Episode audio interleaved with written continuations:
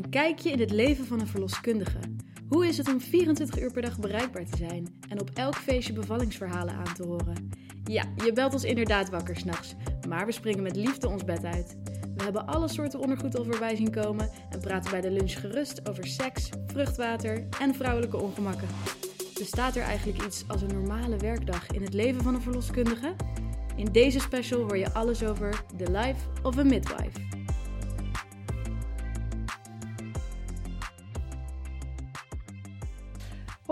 Welkom. Daar zijn we weer terug met een nieuwe live of midwife aflevering.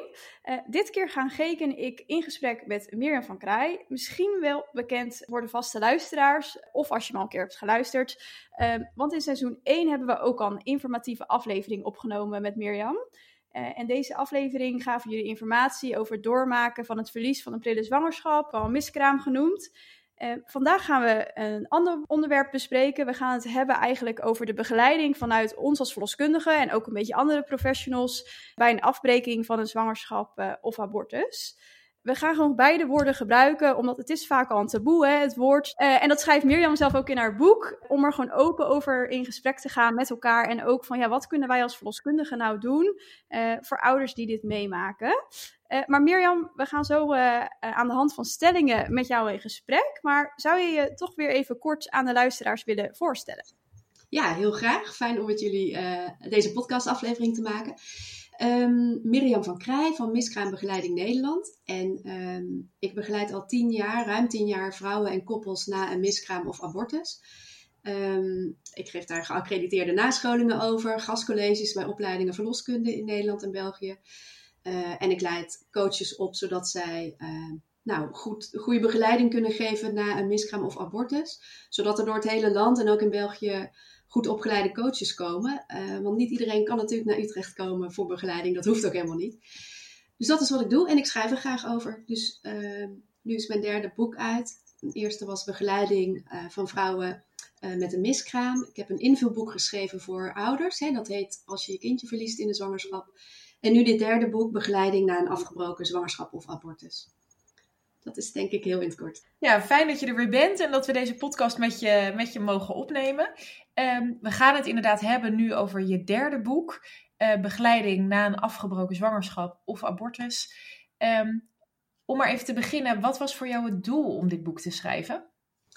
Ah, um, nou, ik vond dat er een boek moest komen over abortus, omdat het taboe nog groot is. En ik vond ook dat ik er wat in te zeggen had, dus ik wilde dat boek zelf schrijven. Um, ik heb wel even gedubt en ook overlegd met de uitgever: wordt het een boek voor vrouwen die een abortus meegemaakt hebben? Of wordt het een boek voor professionals of een combinatie? Um, het is nou ja, eigenlijk een soort van combinatie geworden. Het boek is wel echt gericht op professionals, maar ik denk dat vrouwen die een abortus meegemaakt hebben er ook heel veel aan kunnen hebben, omdat er veel ervaringsverhalen in staan, waardoor ze herkenning vinden, erkenning ook voordat dit verlies is dat ertoe doet. Ja. Ja, en ook wel veel informatie vond ik, want ik vond het echt super leerzaam en voor mezelf, omdat je gewoon dit stuk wordt je gewoon niet al echt in opgeleid hè, als verloskundige, maar ook dat ik dacht, oh ja, maar vrouwen hebben hier ook heel veel aan. En ik ga er nog niet te veel op in, want we gaan het zo met de stellingen komen daar een beetje op terug. Uh, maar dat ik denk, oh ja, als zij dit lezen, dan weten ze ook van, oh, deze mogelijkheden zijn er. Of dit zou maar eventueel kunnen helpen. Ja. Uh, dus ja. ja, vond ik ook ja. echt leuk. Ja. En tegelijkertijd ook de andere kant. Dus ik vind het wel knap hoe je daar een soort middenweg in hebt gevonden. Dat ik denk dat heel veel verloskundigen hier ook heel blij mee zijn. Dat, dat heel veel verloskundigen wel willen begeleiding bieden na een abortus of, uh, of afbreking. Um, maar dat ze gewoon simpelweg niet weten hoe. Ja, en dat kan ook nog ingewikkeld zijn met hoe verhoud je je daartoe. Hè? Je bent als professional aan het begeleiden of wil je graag begeleiden, maar je vindt daar zelf misschien ook iets van. En hoe zorg je dat dat ook met, ja, naast elkaar kan bestaan? Hè? Meer zo.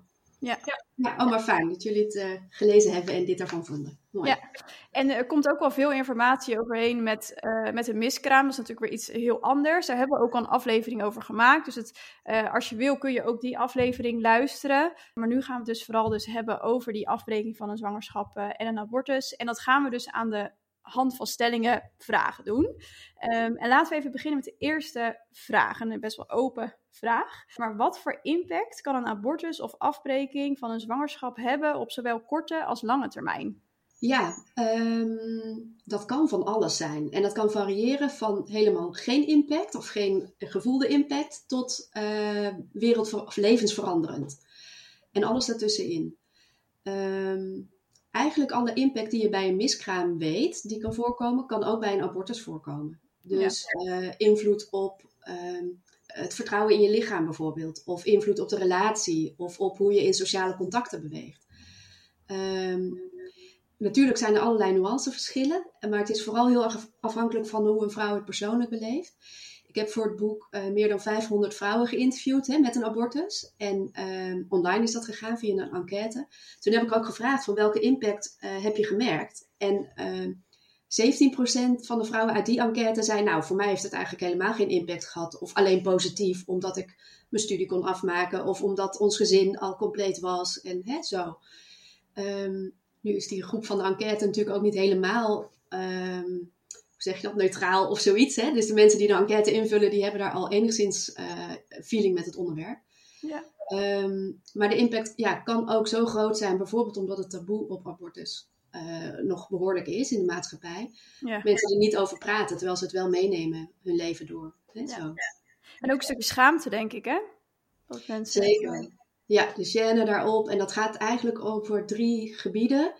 Uh, schaamte of gêne van hoe, hoe kan het dat je in deze tijd zwanger wordt met alle mogelijkheden die er zijn om niet zwanger te worden. Hè? Dat, daar zit al wat in. Een groot deel van de vrouwen die een abort, kiezen voor abortus hebben trouwens, uh, zijn zwanger geworden ondanks anticonceptie. Dat is ook wel goed om te weten. Um, schaamte kan ook gaan over uh, dat je zo'n beslissing hebt genomen. Dat je de zwangerschap hebt, hebt laten afbreken. Ja. Zo'n keuze over leven en dood is ook niet niks om je toe te verhouden. Uh, dus ook vrouwen die van tevoren hadden gedacht dat gebeurt mij nooit of ik zou dat nooit doen. Uh, ja, een deel daarvan beslist toch. En dat, nou ja, dus, uh, dat kan ook schaamte brengen. En het derde is ook van als je dan de beslissing hebt genomen om de zwangerschap af te breken, om te kiezen voor abortus, hoezo heb je daar dan nog last van? Dat kan, uh, nou, is een andere factor van waarom het zo ingewikkeld kan zijn om er voor een vrouw zelf en ook in contact met anderen daarover te praten. Ja, ja. En met praten, dan noem je meteen iets goed, hè? want we weten nou, praten is belangrijk. Maar dan even een stelling, doe je dat dan alleen met je omgeving of ook uh, met je zorgverleners of met ons als verloskundigen? Ja, dat is een goede vraag. Kijk, voor de meeste mensen helpt praten. Niet voor iedereen, maar voor de meesten wel. En voor sommigen is het juist fijn om met iemand buiten hun directe kring te praten. Omdat dat net wat afstand schept die het ook... Uh, ja, soms gemakkelijker maakt om over dit soort dingen te praten. Ja. Uh, dus ik zou zeggen, nodig als zorgverlener de vrouwen uit, of de koppels uit, om erover te praten als je weet hè, dat ze een abortus heeft meegemaakt. Um, maar inderdaad, je kunt niet verwachten dat iedereen daar van harte op ingaat en uh, met jou het verhaal wil delen. Soms is er iemand in de nabije kring daarvoor heel geschikt. ja. ja. Maar dat je hiermee te maken gaat krijgen als verloskundige of als nu verloskundige in opleiding, nou die kans is natuurlijk ontzettend groot. Want ik moest zeggen dat ik best wel een beetje onder de indruk was van de cijfers die je schrijft in je boek. Mm-hmm. Um, dat wereldwijd 1 op de 3 zwangerschappen wordt afgebroken. En in Nederland en België dat ongeveer 1 op de 7 à 8 zwangerschappen is. Mm-hmm. Uh, en later schrijf je nog dat tegen de tijd dat vrouwen 50 jaar zijn, ongeveer 1 op de 5 vrouwen een abortus heeft meegemaakt. Is wat, hè? Ik vond het ja. zelf ook uh, behoorlijke cijfers. Ja. Um, dus je zou kunnen zeggen, 1 op de 5 à 6 vrouwen maakt in haar leven een abortus mee. En um, vaak is nog wel het idee van, oh ja, tienerzwangerschappen of zoiets, hè? maar dat is niet meer zo. De grootste groep vrouwen uh, die kiest voor een abortus is 25 tot 35. Dus dat zijn. Um, kijk, als verloskundige zie je echt uh, niet alle vrouwen die een abortus hebben meegemaakt. Hè. Soms is het pas nadat ze gewenste zwangerschap hebben gehad en dat het gezin compleet is, bijvoorbeeld, dat een zwangerschap wordt afgebroken. Um, maar ja, ook bij de vrouwen die, die bij de verloskundige komen, een deel heeft een abortus meegemaakt. En soms zie je dat in de dossiers en soms niet. Hè, soms wordt daarover gepraat of geeft ze bij de intake aan of bij de anamnese, maar soms ook niet. Ja, en de meest logische stap bij een ongewenste zwangerschap is misschien ook niet om naar een verloskundige te gaan. Als het op dit moment speelt. Ja. Nee. Uh, dan meer de huisarts dan de verloskundige in eerste instantie. Ja, ongeveer de helft van de mensen gaat naar de huisarts, de andere helft naar een abortuskliniek. En ik weet niet hoe groot het aandeel is van mensen die ergens daartussendoor ook nog naar de verloskundige gaan. Nee, misschien is dat ook wel afhankelijk of mensen al bekend zijn bij ons. Ik kan me Ja. voorstellen dat als je al twee kinderen hebt gekregen bij ons in de praktijk en dat je dan denkt, help, ik weet niet wat ik moet doen, ik bel mijn verloskundige, want Ja. daar kan ik over mee sparren. Maar als je die verloskundige nog nooit gezien hebt en het is eigenlijk een nieuw bedrijf of een nieuwe praktijk waar je dan inschrijft met zo'n vraag. Ja, Dus ik hoop dat mensen zich welkom voelen bij ons om het ook daarover te hebben, maar ik kan me voorstellen dat die drempel ontzettend hoog ligt. Ja, dat klopt. En eh, mogelijk ook nog anders voor vrouwen die twijfelen. Hè? Maar als ze al zeker weten dat ze de zwangerschap willen afbreken, zullen ze misschien soms bij jullie komen om de termijn vast te stellen. Eh, hè, om een echo te laten maken om te weten hoe ver ze zwanger zijn. Laten we eerst door naar, eh, naar de volgende stelling. Ehm, het maken van de beslissing is volledig aan het stel of de vrouw die het, do- die het doormaakt. Hmm. Ehm, ik zou zeggen ja. En, ehm, en het kan eh, de vrouw of het koppel helpen om daarover te sparren met mensen. Met medische professionals die misschien iets hè, over die kant kunnen vertellen. Maar misschien ook wel met eh, mensen uit hun nabije omgeving. eh, om tot een goed besluit te kunnen komen. Kijk, wettelijk gezien beslist de vrouw over de afbreking. Hè? Zij heeft de laatste stem, het laatste woord hierin. Maar het is natuurlijk fijn als een koppel samen tot een besluit kan komen waar ze ach- ja, allebei achter kunnen staan. Ehm, nou, zo. Ja, en ook voor de relatie, denk ik, voor later. En eh, heel belangrijk is. Zeker, dat is heel erg belangrijk. Ze zeggen ook wel eens, eh, na een abortus begint de relatie opnieuw. Of moeten partners eigenlijk opnieuw voor elkaar kiezen. Eh, omdat het zo'n ingrijpende gebeurtenis is. Dus ja, dat het, helpt het als je daar samen eh, nou ja, achter die beslissing kunt staan. Ja, ja. En ik las ook al in het boek dat mensen soms ervaren met die beslissing maken dat zorgverleners te veel sturen. Eh, of de een of de andere kant op. Ehm, ik heb er zelf ook ervaring mee met ouders waarvan een kindje eh, eh, een lichamelijke afwijking had, wat niet met, of nauwelijks met het leven ver- verenigbaar was. En het ziekenhuis enorm stuurde op afbreken. En dat hadden zij echt als heel naar ervaren. Dus wij zijn toen ook met hun in gesprek gegaan. En eh, zij hebben uiteindelijk besloten om de zwangerschap uit te zitten. En dat het kindje zelf mocht besluiten over het leven. En is toen rond 20 weken is het hartje gestopt met kloppen. Dus uit, eh, uit, uit hunzelf. En daar keken ouders natuurlijk achteraf heel erg goed op terug. Maar ze keken niet goed terug op die zorgverlener die natuurlijk zo erg stuurde van... ehm, ja, het is eigenlijk beter om af te breken, terwijl dat helemaal niet beter is. Hoe zie jij dat in de praktijk? Wat zijn de ervaringen erbij? Ja, dat kwam ook al uit de enquête. En ehm, het verrassende is dat ook als een zorgverlener zei: Ja, in jouw situatie had ik precies hetzelfde gedaan, dat dat ook niet als troostend eh, ervaren werd. Hè? Dus zowel een ander advies als hetzelfde advies. Het is zo'n belangrijke keuze. ehm, dus eh, vrouwen of koppels moeten echt wel informatie inwinnen, maar dan is het aan hen. Ja. En ehm, wat uit die enquête ook kwam, is dat mensen het vooral waarderen als de, de, ja, de informatie zo neutraal mogelijk gegeven kan worden. Zodat zij zelf de keus kunnen maken, hoe moeilijk die ook is. Hè? Dus sommige vrouwen zullen ook echt wel vragen, goh, wat zou jij doen? Aan de verloskundige of aan de gynaecoloog. Ehm, dus dan is het ook wel een kunst om weg te blijven van wat jij zou doen. Hè? Maar eh, het is ook logisch dat ze er wel naar vragen. Maar het is dus niet per se helpend om te zeggen, nou in jouw situatie wist ik het wel, dan moet je dit of dit doen. Ehm, Nee. Dat gaat voorbij aan wat er allemaal nog gevoeld wordt rond zo'n besluit. Ja. Ja, dus ik ken inderdaad ook verhalen van vrouwen die zeggen, nou ik ben heel dankbaar dat ik het kindje negen maanden wel bij me heb gehad. Hè? En, ehm, dit is dan een medische aanleiding. Ehm, ongeveer 5% van de abortussen is om een medische reden. Hè, dat de moeder ziek is of dat het kindje niet levensvatbaar is. Maar 95% is om niet-medische reden. En als verloskundige kun je het gesprek aangaan, niet een, een oordeel vormen of hè, niet sturen. Maar wat, wat kun je, kunnen we eigenlijk nog meer doen als verloskundige of al- een ander professional die dichtbij staat?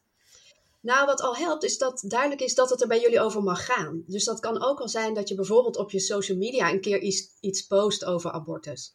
Hè, dat ze weten, het is een onderwerp waar het bij de verloskundige over mag gaan. Ehm, dus dat is dan niet direct in het één op één contact, maar wel in hoe je je praktijk voert of hè, hoe je zichtbaar bent. Ehm, ja, wat ik zit even te denken, wat ook nog kan helpen, ehm, is dat je weet welke vragen je kunt stellen, bijvoorbeeld. Dat je ook weet welke weg je iemand kunt, hè, hoe je iemand kunt doorverwijzen als het niet bij jou aan het juiste adres is hiervoor. Dus dat je eh, eh, misschien ook wel eh, als verloskundige denkt, ik ga een dag meelopen bij de abortuskliniek, zodat ik weet hoe dat daar gaat. Ja. Het zijn allemaal manieren om jezelf ook ehm, ja, hier nog beter in thuis te laten raken. Of dat je de ervaringsverhalen leest op de site van het FIOM of van het Humanistisch Verbond. Open over abortus is die website. Uh, nou, of natuurlijk een boek lezen of de nascholing volgen. Maar er zijn, uh, andere ja, er zijn manieren om jezelf hier verder in te bekwamen. Ja. Zodat je er ook weer beter kunt zijn voor de koppels die het nodig hebben. Ja, ja. Je benoemde van, uh, je kan het ook op je social media laten zien, dat je, dat je hier als praktijk ook voor bent. Ja. Ehm, ik denk dat dat wel iets is wat veel verloskundige praktijken moeilijk vinden. Ja, dus je wil het op een manier doen die niet keihard confronterend is of zoiets. Hè? Dus hoe dat kan is bijvoorbeeld als uh, het FIOM uh, komt elk jaar met de cijfers van het jaar daarvoor. Die zou je kunnen delen. Van afgelopen jaar waren er in Nederland zoveel uh, afbrekingen. Of je zou een ervaringsverhaal in tijdschriften komen zo af en toe wel ervaringsverhalen van vrouwen. Je zou zo'n verhaal kunnen delen. Ja. Dus dan hoef je het niet zelf te verzinnen, die content, maar dan deel je wat er is. Of ehm, ja, ja, wat nu ook wel gebeurt is dat uh, verloskundigen zeggen, ah ja, ik heb er een scholing over gevolgd of ik heb dit boek gelezen, dus je bent ook bij ons welkom hiervoor. Weet je, dus dat uh, kan ook een manier zijn. Ja. Um, ja, dan is het wat, wat meer uh, indirect. Ja, precies. Ik weet dat wij bijvoorbeeld op de praktijk een, een tijdje de discussie hebben gehad: gaan we wel of niet een koperspiraal plaatsen als morning after methode? Mm -hmm. En dat er toen uitkwam van we gaan dat wel doen, want we willen heel graag die zorg bieden. Maar niet, uh, we gaan er niet mee adverteren of zo. Oh, ja. het, moet niet, het moet niet open en bloot liggen, omdat dat, nou ja, er lagen wat ethische kwesties en dergelijke onder. Ja. Um, toen dacht ik, ja, dat heeft hier ook wel mee te maken. Want hoe weten mensen dan dat ze hiervoor bij ons terecht kunnen? En dan hoop je dat er ergens op een website staat dat je hiervoor ook een verloskundige kan bellen. Ja, ja precies. En dit is ook niet zo'n onderwerp dat het makkelijk doorpraat in de stad of in het dorp. Hè? Dus nee, nee. Uh, ja, hoe komen ze daarachter inderdaad? Ja. ja. Ik denk ook wel dat er verloskundige praktijken zijn die dat ook niet zouden willen. Dat er in het dorp zo over de praktijk wordt gepraat dat je daarvoor bij hun terecht kan. Nee, en er zijn ook wel verloskundigen die zelf persoonlijk bezwaren hebben. Hè? Dus ik weet ook van praktijken die daar een verdeling in hebben gemaakt. Die zeggen, nou, als er een, ook bijvoorbeeld een counselgesprek rond abortus gevoerd moet worden, kun je uh, bij die verloskundige terecht en uh, we plannen het niet bij de andere verloskundige in. Ja. Maar ja, dat is ook een keuze als praktijk of je dat wil. Of je dat onderscheid wil maken of dat je zegt, nou, dat doen we niet. Uh, dus er zijn best wel wat um, nou ja, ethische keuzes misschien, die rond dit thema ook hangen. Hè? Van hoe ga je daarmee om? Hoe wil je daarmee omgaan? En misschien verschuift je persoonlijke wereldbeeld daar ook nog wel in. Ja, en het is ook niet dat je wilt ook niet uh, het, het wegwuiven, hè? dat het Nee. een geschoven kindje is. Je wilt ook de aandacht geven die het nodig heeft op dat moment. Ja. Ik, ik vind dat best wel lastig hoor. In de, toen ik dat, toen ik dus iemand kwam die daarover nadacht, en dacht ik, ja, wat moet ik hier nou mee? Ik weet dat toen had ik Greke ook gebeld, dat die had een scholing gedaan over abortus. Van ja, waar kan ik haar naartoe verwijzen? Of uh, waar moet ik op letten? Nou, ik, want ik had echt geen idee. Ik vond het best wel lastig van ja, hoe kun je iemand nou begeleiden in zo'n een keuzeproces? Ja, ja. Dus je Ja. wil wel, maar je weet gewoon niet goed hoe. Nee, Ja. dat. Ja. Dan zou het ook gewoon fijn zijn als, als verloskundige daar onderling misschien wat opener. Weet je, alles begint met openheid. Denk ik, als we het er zo over hebben, dan denk ik, ja, waarom zeggen we dat niet als verloskundige praktijk? Van kom hiervoor maar bij ons. Want daarmee hou je eigenlijk het taboe een beetje in stand. Mhm. ja. Maar goed, met deze podcast doen we een eerste poging. Ja. Zeker, zeker. Goed, oké. nou, laten we naar de volgende stelling gaan. Uh, als iemand ervoor kiest om een zwangerschap af te breken, is het voor de verwerking het beste om wel het echoplaatje mee te krijgen. Oh, dat is een goeie. Um, het is in ieder geval fijn dat ze de keus heeft. Dus bij miskramen ben ik heel stellig. Hè? Zeg ik geef hem mee als uh, echoscopist of als verloskundige. Bij abortus vraag het. Dus vraag, wil je meekijken met de echo? Wil je, hè? wil je op het scherm zien wat er te zien is? Uh, en vraag, uh, zal ik je de echofoto meegeven? Van een beetje uitgezoomd denk ik dat het voor heel veel mensen heel waardevol is. Ik hoor ook verhalen dat mensen zeggen, het is het enige tastbare wat ik nog heb van die zwangerschap. Het is heel belangrijk daarvoor. Um, maar niet iedereen kan op dat moment ook beslissen van, oh ja, daar, daar ga ik later um, iets aan hebben. Nee. Dus ik denk dat het te ver gaat om het nu te zeggen, je moet hem meegeven als verloskundige. Maar vraag het in ieder geval wel. Ga er niet van uit dat ze hem niet wil, die foto. Ja. Niet invullen. Nee. Niet invullen, en, precies. En bijvoorbeeld, um, dat je zegt van dat je hem wel uitprint in een envelopje doet. Ze kan het niet zien en zegt ik geef hem mee. Doe zelf mee wat je ermee wil. En dan kunnen ze het natuurlijk altijd weggooien of dan hebben ze het nog. Want anders heb je hem, ik weet niet hoe dat is hoor, maar dan zou je het nooit meer terug kunnen halen. Ja, en Ehm, abortusklinieken moeten hem ook bewaren. Dus Oh, eh, oké. een aantal jaren. Maar die drempel is voor vrouwen heel hoog, hè, om dan Ja. nog op te vragen. Dus ik vind het een goede tussenweg, eh Solange, dat je hem in een envelop doet en meegeeft. Ja. En als mensen dan zeggen, nee, wil ik niet, nou dan niet. Hè, maar anders eh, hebben ze hem en kunnen ze ermee doen wat zij willen. En daar mag je dan misschien best wel wat stellig in zijn. Of in die zin, ik las in je boek dat je over het terugbellen best stellig mag zijn.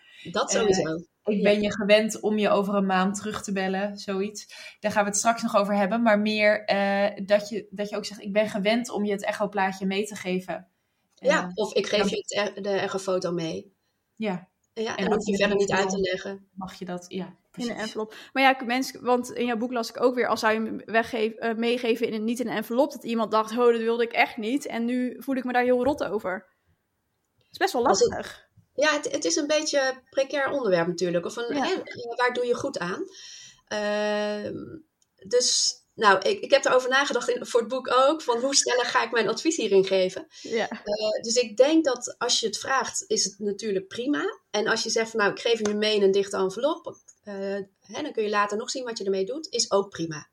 En eh, de toon maakt de muziek ook. Hè? Dus het, eh, het contact dat je met mensen hebt, daarin kun je dit waarschijnlijk prima zeggen. En als ze dan zeggen, nee joh, wil ik niet, dan kun je altijd nog zeggen, we hebben de foto hier in het systeem, dus mocht je het later willen, kun je hem altijd opvragen. Hè? Dan, Dat is denk ik prima zorg. En aansluitend daarop is, is bijvoorbeeld ook als je een curettage ondergaat als vrouw, of je dat wil zien, wat er uit de baarmoeder gehaald wordt of niet. Dat gaat misschien nog een stapje verder dan een foto. Ehm, Ja. nu, nu doen wij als verloskundige de curettage natuurlijk niet. Maar wat kunnen we daarin meegeven? Nou, wat al kan helpen is dat je tegen de vrouw die je gesproken hebt zegt, als je straks in de abortuskliniek bent of als je in het ziekenhuis bent, eh, denk er van tevoren over na of je wil meekijken op het scherm wat zij zien op, hè, in je baarmoeder. Denk er van tevoren over na of je eh, wil zien wat er uit je baarmoeder gehaald wordt en of je dat mee naar huis wil om bijvoorbeeld te begraven of iets dergelijks. Eh, zodat ze dat niet in dat moment zelf hoeft te beslissen. Dus daar kun je denk ik wel een belangrijke rol spelen, zodat ze daar over na kan denken en dan een besluit kan nemen daarin wat haar past op dat moment. Ja. Ja, en, en niet alle artsen vragen er ook naar, weet ik. Dus dan daarmee eh, maak je de vrouw ook net wat steviger als ze het wel eh, wil zien of mee naar huis wil nemen, dat ze erom vraagt. Ja, ja, dat ze niet achteraf denkt, want dan kan het niet meer. En, dan, eh, en ik had het misschien wel gewild of hoort achteraf van lotgenoten of Ja, precies. ja, ja, ja. Ehm, En wat ook nog kan, zit ik nu te bedenken, is dat je even checkt bij de kliniek in de buurt of bij het ziekenhuis. Hoe gaan jullie daarmee om? Ja. Kan ook. Ja. Als je toch die stage loopt daar. dat je meeloopt. Dagje mee. Ehm, hey, en wat nou als mensen achteraf spijt hebben? Wat kunnen, ja, kunnen wij dan als verloskundige nog iets betekenen voor hen? Hmm. Eh, ja, want spijt heeft net als alle emoties nodig dat het erkend eh, mag zijn, hè? dat het erover mag gaan. Dus wuif het niet weg. eh, zeg, van, zeg niet van, oh, maar je hebt echt een goede beslissing genomen. Maar vraag door. Ehm, en goh, vertel er eens wat meer over. En ehm, eh, soms wordt spijt ook nog wel ehm, verward met. eh, kijk, mensen zouden nu, met de kennis van nu, misschien een andere beslissing genomen hebben over de situatie van toen. Dus daar kan je haar in helpen om dat te ontrafelen. Van toen was de situatie zus en zo. Kun je haar laten vertellen. En met de kennis van nu had je misschien anders besloten. Maar dit is, hè, zo is het toen gegaan. Ja. Ehm, dus door daar aandacht voor te hebben. Ik denk dat dat ehm, waar spijt over kan gaan, is ook weer die drie aspecten die ik jullie eerder noemde. Dat ze misschien spijt heeft dat ze in een situatie terechtgekomen is dat ze ongewild zwanger werkt. Dat ze misschien spijt heeft dat ze de keuze heeft gemaakt die ze heeft gemaakt. Of dat ze eh, ja, het spijtig vindt dat ze er zoveel verdriet of last of hè, dat ze nog zoveel impact merkt. Dus dat kan ook goed zijn om daarop in te zoomen als verloskundige. Ja. Zeker als een vrouw ook opnieuw zwanger is en je weet dat er in het verleden een abortus is geweest, ehm, kan het enorm opluchten voor de nieuwe zwangerschap ook om echt aandacht te hebben voor de eerdere abortus. Ja, ik zat net na te denken, eh, komen wij die vrouwen wel tegen die spijt hebben van een abortus? Maar dat kan inderdaad heel goed in een volgende zwangerschap zo zijn. Ja, en er is ook echt wel taboe om te zeggen dat je spijt hebt van een abortus. Want dat is nogal wat, hè? Mhm. Dus ehm, dat vraagt ook veel veiligheid om het daar bij, bij jou, bij jullie over te gaan hebben. Ja. Ja. en zeker misschien niet eens bij de eerste afspraak. Want dat is natuurlijk vaak Nee. de intake, of de eerste of tweede afspraak is dat die je hebt. En dan kan ik me ook voorstellen dat je dan nog niet meteen eh, tegen ons durft te zeggen van dat je er spijt van hebt. Dus ja, misschien ook wel goed, bedenk ik me nu gewoon hoor, om daar later nog eens over te hebben. Van, eh, hey, speelt dat eigenlijk nog wel eens een rol? Of heel open? Ja, dus eh, precies. Van hoe speelt dat? Eh, Ja. van, hè, hoe, hoe ben je daarmee bezig? Ja. Ik hoorde ook van een verloskundige die bij de derde zwangerschap van die mevrouw hoorde dat er een abortus was geweest. Hè? Dus toen was de, de vertrouwensband zo opgebouwd dat het erover kon gaan. Dus het Ja. vraagt echt veel vertrouwen. ja. Ehm, ja. Maar jeetje, je zou er maar mee lopen. Met die spijt van een abortus en dan er wel niet over durven te praten. Ja, precies. Dus dat vraagt van, eh, van ons eh, een diepe buiging eigenlijk. En niet Ja. meer dan dat. Hè? Dus dat je... eh, nou ja, ik, ik vind het ook echt dat ik denk, oh, je zal er maar mee lopen wat jij zegt. Hè? Dus het, het vraagt ook eerbied ergens voor vrouwen die dit te dragen hebben. Ja, Ehm, en dat is wel het grote verschil met miskramen. dat, daar, dat je bij abortus de beslissing te dragen hebt. Met alle gevolgen van dien, ja. Ja, dus dat is een groot verschil. Ja, dus als je luistert, maak het bespreekbaar, want het mag. En eh, ik denk dat dat heel belangrijk is. Ja, dan zoomen we nog even in op de verloskundige zorg in dit hele stuk. Ehm, want de volgende stelling is: de verloskundige is verantwoordelijk voor de goede nazorg na een abortus. Oh, die is interessant. Eh, in de richtlijnen van eh, abortusartsen en van huisartsen staat namelijk dat zij eh, een telefoontje doen na afloop van de abortus. Eh, zij allebei dus. In de praktijk gebeurt dat eh, veel te weinig. Ehm, dus het zou zomaar een eh, gat kunnen zijn dat de verloskundige invult. Maar of het jouw verantwoordelijkheid is, gaat wel wat ver, denk ik. Je weet het ook niet altijd, hè. Eh, maar ik denk wel dat het fijn is als je ervan weet ehm, dat je daar eh, een telefoontje aan waagt. Ja, ik denk dat wij juist als verloskundige daar heel veel in kunnen betekenen. Zeker. Om, om ook vaak, je hebt toch dat persoonlijk contact meer dan met een huisarts. Eh, dat is niet bij alle huisartsen zo, maar vaak wel. Ehm, en ook voor verdere toekomst. Ik denk dat, dat dat echt wel, dat we daar veel meer in kunnen doen. Maar ook, ja, ook de vraag, tot hoe ver ga je als verloskundige? Hè? Wat blijft je rol? Wat is jouw taak? En Ja, precies. Ehm, dus bij miskraam, en dat zou hier ook eh, een goede optie kunnen zijn, is dat je ehm, hey, eh, bijvoorbeeld vier weken nadat de abortus geweest is, dat je haar dan belt. Goh, we zijn benieuwd hoe het met je is. Eh, en als je merkt dat ze dan meer nodig heeft om met haar verlies om te gaan of met de abortus om te gaan, dat je haar dan doorverwijst naar betrouwbare doorverwijsadressen.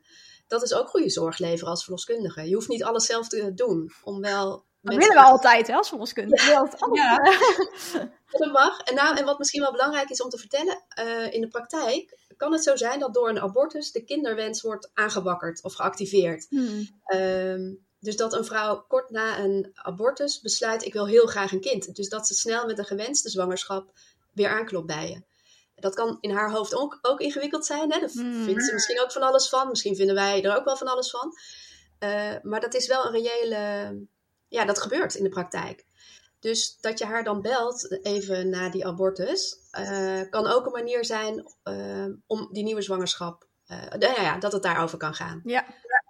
Ehm, en dat klinkt ook een beetje zakelijk misschien, maar het is ergens ook relatiebeheer. En, dat, eh, en omdat je die vertrouwensband hebt, eh, is dat heel oké om te doen. En dan nog eventjes over die nazorg. Eh, we hebben het nu voornamelijk over de vrouw. Oké, Mhm. verantwoordelijkheid daar gelaten. Maar Mhm. nazorg voor de man, ligt dat ook bij de verloskundige?